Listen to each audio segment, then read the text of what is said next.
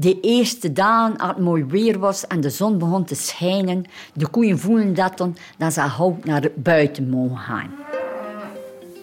Dus alle poorten en hekken klaarzetten omdat ze naar buiten zon kunnen. Dan begonnen wij ieder koe zijn band los te doen. En de ene ging uit onder sliet, de ander bleef staan, de ander zat te burren, te roepen naar elkaar.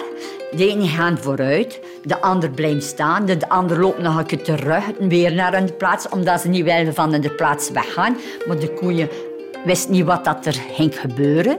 Dus als er dan één de weg gevonden had, voor naar buiten, automatisch volgden de andere koeien ook. En dan gingen ze voorzichtig naar buiten, naar de wei. En als ze toen in de wei komen, was dat een koers. De ene koe achter de ander, tot het einde van de wei, terug weer, naar het einde van de wei. En met de omhoog, met de poten met de staart in de lucht. En burren en roepen. Die koeien onder elkaar, ze spraken tegen elkaar. En achter een uur was dat een beetje geblust. En begonnen ze dan gras te eten. Ieder jaar komt dat opnieuw terug. De eerste koeien die naar buiten gaan, de zon schijnt en ze genieten van die zonnestralen. Dat vond ik altijd wel leuk op de boerderij voor dat mee te maken. Dit is Moeders ten Laste.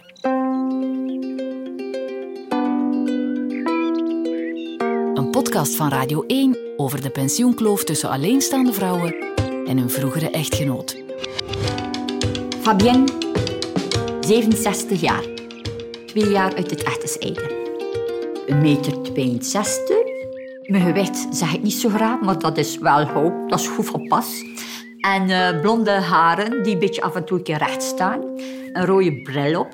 Soms oorbellen. Ik zie er graag nog mooi uit. Ze worden geïnterviewd door hun kinderen. Ik ben dus de dochter van en ik ben 38 jaar. Zelfstandig, samen met mijn man. eh, Gelukkig getrouwd. Heel gelukkig getrouwd.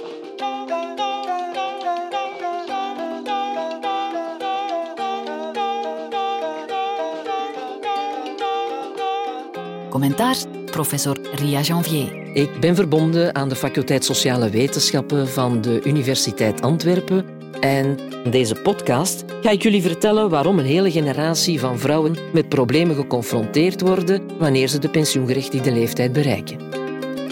Aflevering 3. Fabienne, de moeder van Brenda. Ex-vrouw van een zelfstandige.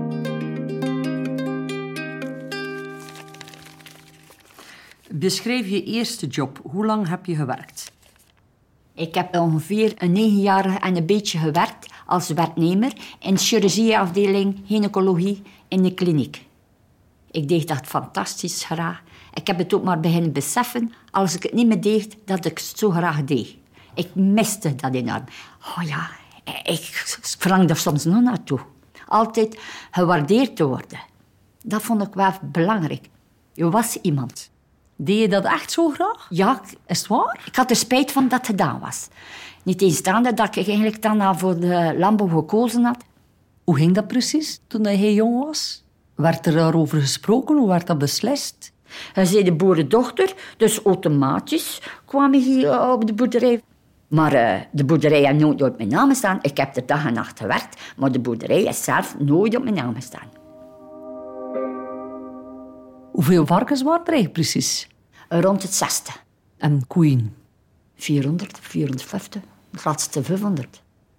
Mama, hoe zag jouw werkdag er eigenlijk uit? Niet dat ik heel vroeg opstond, rond 7 uur.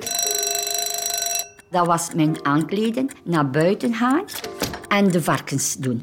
Ja, dat is waaieren, nee, ja. Een varkensbedrijf erin, nee, ja. Koeien ook, ik heb veel aan de koeien gewerkt ook, ja. Met de bul gereden, gevoerd, met korte gesleurd. In de zomer op het land apen de ballootjes binnen, maar vroeger waren dat allemaal kleine pakjes. Dus ja, wagens gelaan, naar lossen, eh, het getast. Alles. Oké, het was middag. En wat deed je dan? Dan zelf eten, dan de keuken opruimen. En dan tegen kwart voor drie ging ik alweer terug naar buiten voor de varkens weer te geven. Dan ging ik tegen rond vijf uur dertig weer naar binnen voor het eten. En dan ging ik weer naar buiten voor mijn man te helpen met de runderen. Tot s'avonds, acht uur dertig, negen uur. En dan toen ik weer binnenkwam, was dat toen de was en de plas ook nog. En dat was tot rond tien uur dertig, elf uur. Dat heb ik jaren gedaan. De kinderen hebben ook veel gewerkt. De kinderen hebben ook echt moeten meedraaien. Zeker. Het was meer of een beetje gewoon werk. De vrijdagavond was school gedaan en dat was andere kleren aan en naar buiten. Tot de zondagavond. De maandag ging ze weer naar school en de zondagnamiddag mochten ze studeren. Ik ken daar niet de beste herinnering aan. Ik ging zeker niet boeren zoals mijn broer.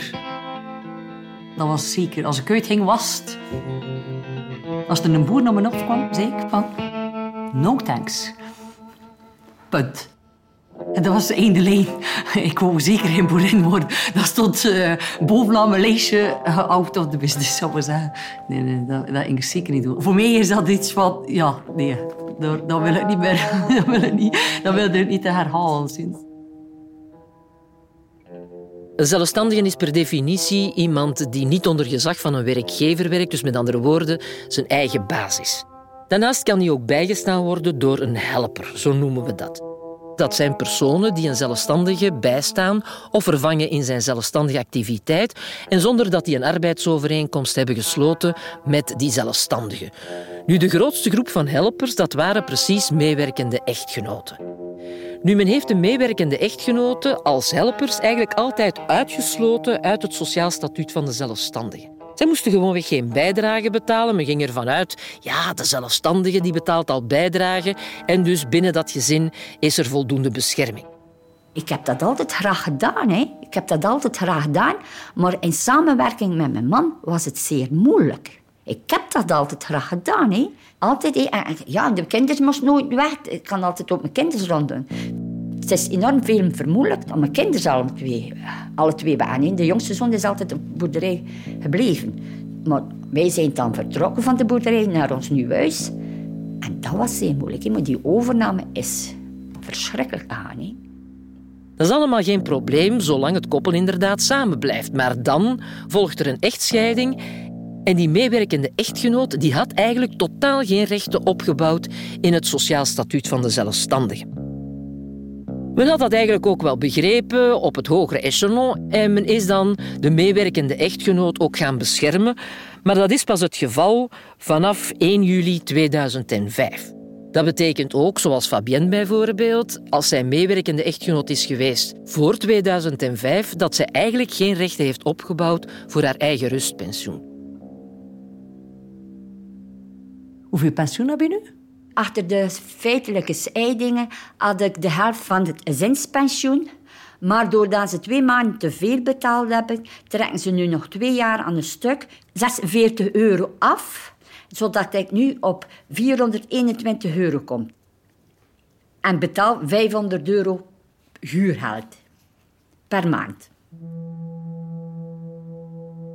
Begrijp je het niet goed waarom dat je daar eigenlijk nooit mee bezig bent geweest vroeger zo, allee, met je pensioen? Ik heb één keer geweest mee met hem met de boekhouder en moest in de auto blijven zitten. En alles wat dat ik moest tegen was uh, tegen dat ik vlug, uh, maar moet ben zijn. Want dat moet ben. Of doe dat ik eens En ik tekende dat, ik lees dat zelfs niet. Doe dat ik eens Naïef van mij, maar het is de waarheid. Ik vertrouwde hem onder ten onder. Ik heb naar die boekhouder geweest en die zei, ja, je zat in het forfaitair stelsel. Ja, je zat in het forfaitair stelsel. Uh, u, hebt altijd het minimum van het minimum betaald. En u hebt dan ook wel iets anders opgebouwd. Doordat je niet veel belasting betaalde of sociale wet betaalde, heb je dan ook kunnen investeren in andere dingen. Dus het zit in zijn bedrijf. Dus het zit in zijn bedrijf. Hij dicht papieren en ik was van overtuigd dat dat alles in orde was. Maar ik heb nog gevraagd, is mijn pensioen in orde, betaal je voor mij? Ja, alles is geregeld, alles is juist. En in feite heeft hij de wet niet overtreden. Dat was de wet, hè. Een gezinspensioen. En hij, ja, hij heeft betaald, maar alles op zijn naam. Hè. Als de echte noten zijn niet veel waard nu. Nu besef ik dat. dat ik maar de vuilbak ben. Hè. Van de eerste dag van dat ik getrouwd ben, veel gewerkt, dag en nacht. Je hebt toch heel je carrière gewerkt. Je bent dan 14 dagen op pensioen en dan ben je ineens niks meer.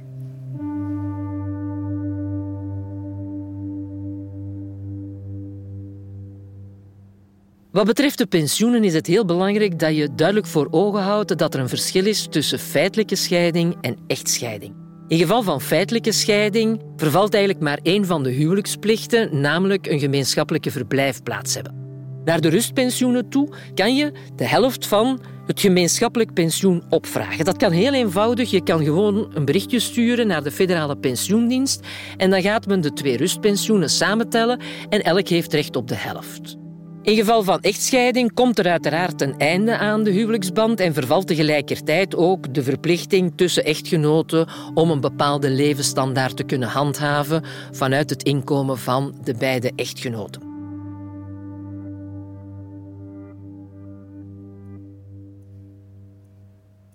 Ik ben naar de werknemers gegaan, naar de zelfstandigen gegaan. Ik heb daar gevraagd hoeveel dat ik heb. Zijn ze het niet veel? Maar ik zeg, wat is niet veel? Ah ja, dat kost niet per. En dan zei een aantal benaren, uh, ja, anders steken we twee mensen in armoede. Uh, ja, ik zeg, de vrouw mag dan in armoede leven. De man niet, maar wel de vrouw. En dat voelt echt niet goed aan. En toen kreeg ik nog achter de, een goed jaar en half, ik dat een papiertje in je brievenbus dat je maar 421 euro hebt. En dat voel je dan echt als een vuilbak. Dat voelt echt al zo. Dat je zegt, ah wij, ik heb toch heel mijn leven dag en nacht gewerkt. Hoe voelde je eigenlijk erbij dat je eigenlijk nooit naar de boekhouder zelf kon gaan of dat jullie daar eigenlijk nooit over spraken? Ah, ik heb zitten wenen. Ik zat hier en ik heb zitten wenen.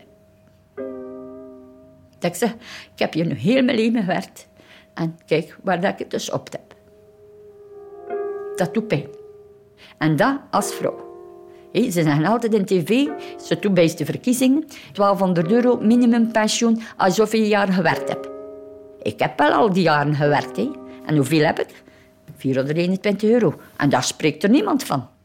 Niemand weet dat, maar ik wist dat zelf niet. Dat ik als echtgenoot maar dat had. Ik wist dat niet. De situatie is eigenlijk nog schrijnender als je bedenkt dat het gemiddelde rustpensioen voor een zelfstandige vrouw dat dat eigenlijk ligt op 284 euro per maand. Waarom liggen die zelfstandige pensioenen zo laag? Ja, een verklaring daarvoor is onder andere dat vroeger de meewerkende echtgenoten, die ook thuis horen in het sociaal statuut van de zelfstandigen, dat die eigenlijk geen bescherming genoten en ook geen pensioen opbouwden. Tegelijkertijd liggen de pensioenen van de zelfstandigen in het algemeen eigenlijk ook lager dan de werknemerspensioenen. En daar is een goede verklaring voor, want zelfstandigen betalen nu eenmaal minder bijdrage ter financiering van hun pensioen. En die verhouding is eigenlijk 0,7. Wat betekent dat nu? Dat eigenlijk een zelfstandige maar 70 cent betaalt voor zijn pensioen, als een werknemer 1 euro daarvoor bijlegt. En dat betekent dat inderdaad het zelfstandige rustpensioen heel wat lager uitvalt. We hebben het geluk gehad van ons mama zeven maanden te kunnen opvangen. Want inderdaad, op het moment dat je zoekt naar een huisvesting dan eigenlijk, dan sta je letterlijk in het gebouw van de huisvesting of de sociale dienst, zal maar zeggen. En daar word je eigenlijk geconfronteerd met, gezien ze zoveel jaar nog niet in Blankenbergen woont, kun je daar geen gebruik van maken. Op dat moment, waar kom je terecht? Nergens. Of is met eigen familie. En inderdaad, financieel heb je dan eigenlijk niets 0,0. Dat zijn letterlijk de feiten dat je letterlijk op straat staat als je dan op dat moment geen beroep kunt doen op familie of vrienden. Ik moet zeggen, dat is een eye-opener. Ik dacht dat dat niet mogelijk was.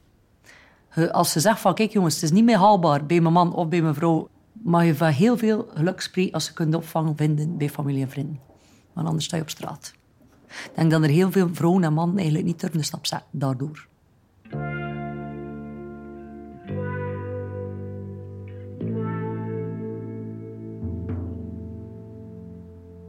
Mama, wat vind je nu zelf eigenlijk het moeilijkste aan heel de situatie? Dat onrecht dat ik gekregen heb. dat onrecht. Hij krijgt bijna 1400 euro.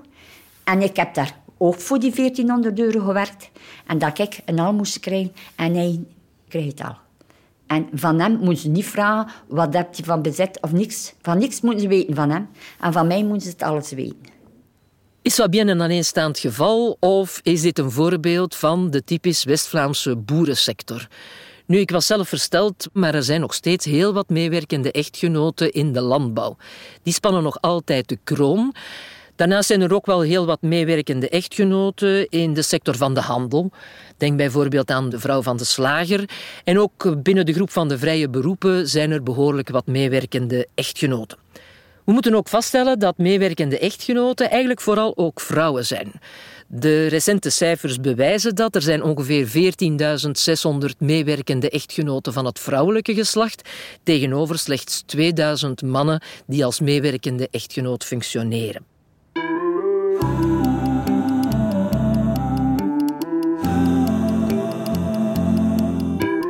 Mocht je opnieuw beginnen, hoe zou je het dan aanpakken? Meer op mijn rechten staan. En alles wat ik gekregen heb van mijn ouders, zeker zelf over beslissen. Dat. Maar anders. Welk advies zou jij meegeven, mama? In ieder geval zou ik zeker zeggen dat ze meer haar rechten moet opeisen. En als ze iets krijgt van aan haar kant, van haar ouders of wat, dat ze zelf moet beslissen wat dat ze er gaat doen. Want dat heb ik nooit gedaan. We merken ook dat het aantal meewerkende echtgenoten eigenlijk gewoon jaar na jaar stilaan afneemt. Dus het is duidelijk dat de meeste vrouwen zich niet meer laten verleiden om als meewerkende echtgenoot te functioneren, maar eigenlijk een volwaardige partner willen zijn van hun man.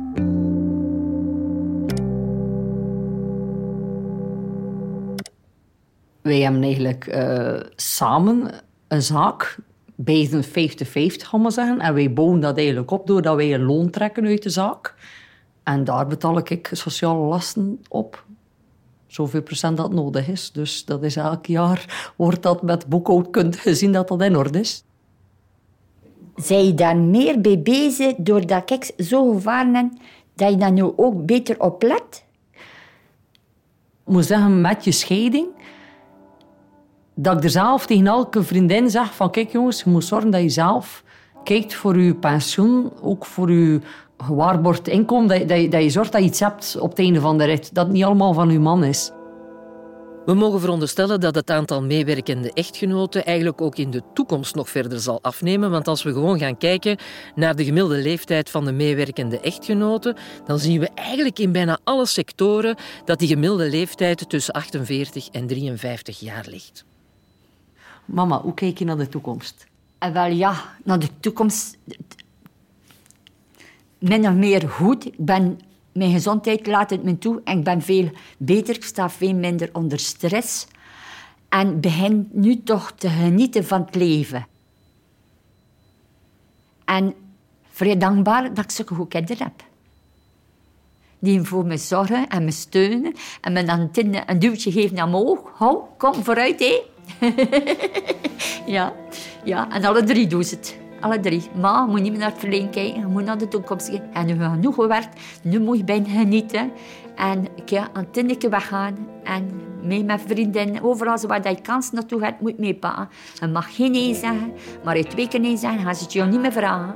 En alle keer, als ze het vragen, ga je mee, moet je meegaan. En dat ook nu. Maar mensen zitten altijd, als je weggaat, moet je haar bovenal. En dat heb ik soms een probleem mee. Maar toch doe ik het, omdat mijn kinderen ook zeggen, maar vooruit, je moet weg, je moet onder de mensen komen. En dat doe ik nu. Vanaf augustus is dat begin verbeterd. Dus begin dat nu te doen.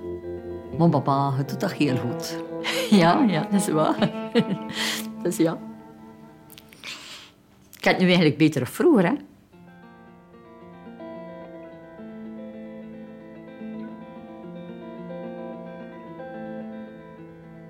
Dat is een verloren generatie van vrouwen die toen niet op hun strepen stonden, die ook niet wisten wat de gevolgen waren van hun keuzes. Hè. Die dachten van ja, oké, we beslissen met twee om ons gezin zo te organiseren. Ik voel mij daar goed bij, hij voelt zich daar goed bij, kinderen voelen zich daar goed bij, iedereen tevreden. Tot op het moment, ik zeg dat ook altijd tijdens de colleges zo, dat hij u op uw vijftigste inruilt voor 2 van 25. En dan, dan ben je slecht af. En dat ben je niet als je altijd voltijds hebt gewerkt, je hebt een volwaardige bescherming, je bent financieel onafhankelijk, maar dat is een, een gedachtegoed dat moet doordringen. Hè? Dat moet doordringen. Dat beide partners eigenlijk verantwoordelijkheid opnemen in het gezin. Dus het is een kwestie van mentaliteit. Het is echt een kwestie van mentaliteit. En daar kan de sociale zekerheid kan niet alles opvangen.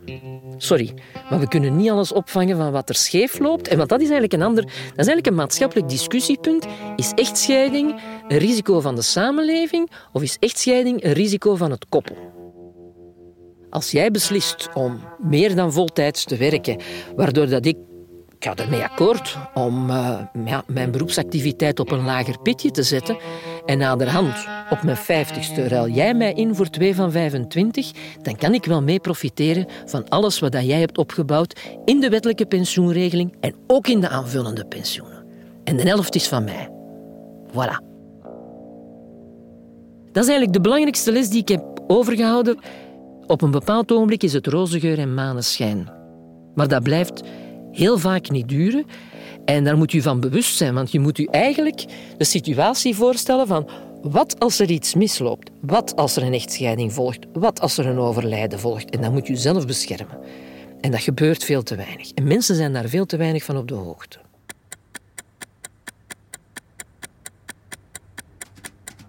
Dit was Moeders ten Laste, een podcast van Radio 1. Commentaarstem professor Ria Janvier. Redactie, interviews en montage Justine Vergotte en Wederik de Bakker. Muziek Tim Liebaert. Eindredactie Hendrik de Smet. Fabien, Fabien, Fabien, Fabien, Fabien, Fabien, Fabien.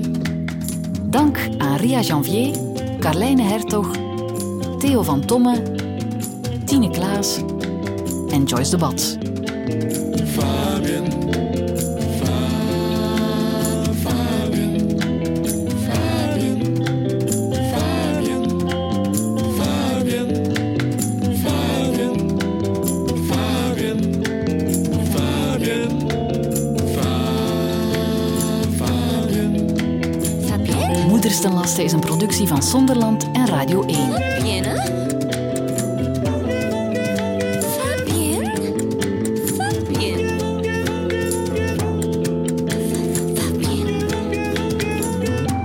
Deze podcast kwam tot stand met steun van Fonds Pascal de Kroos voor bijzondere journalistiek.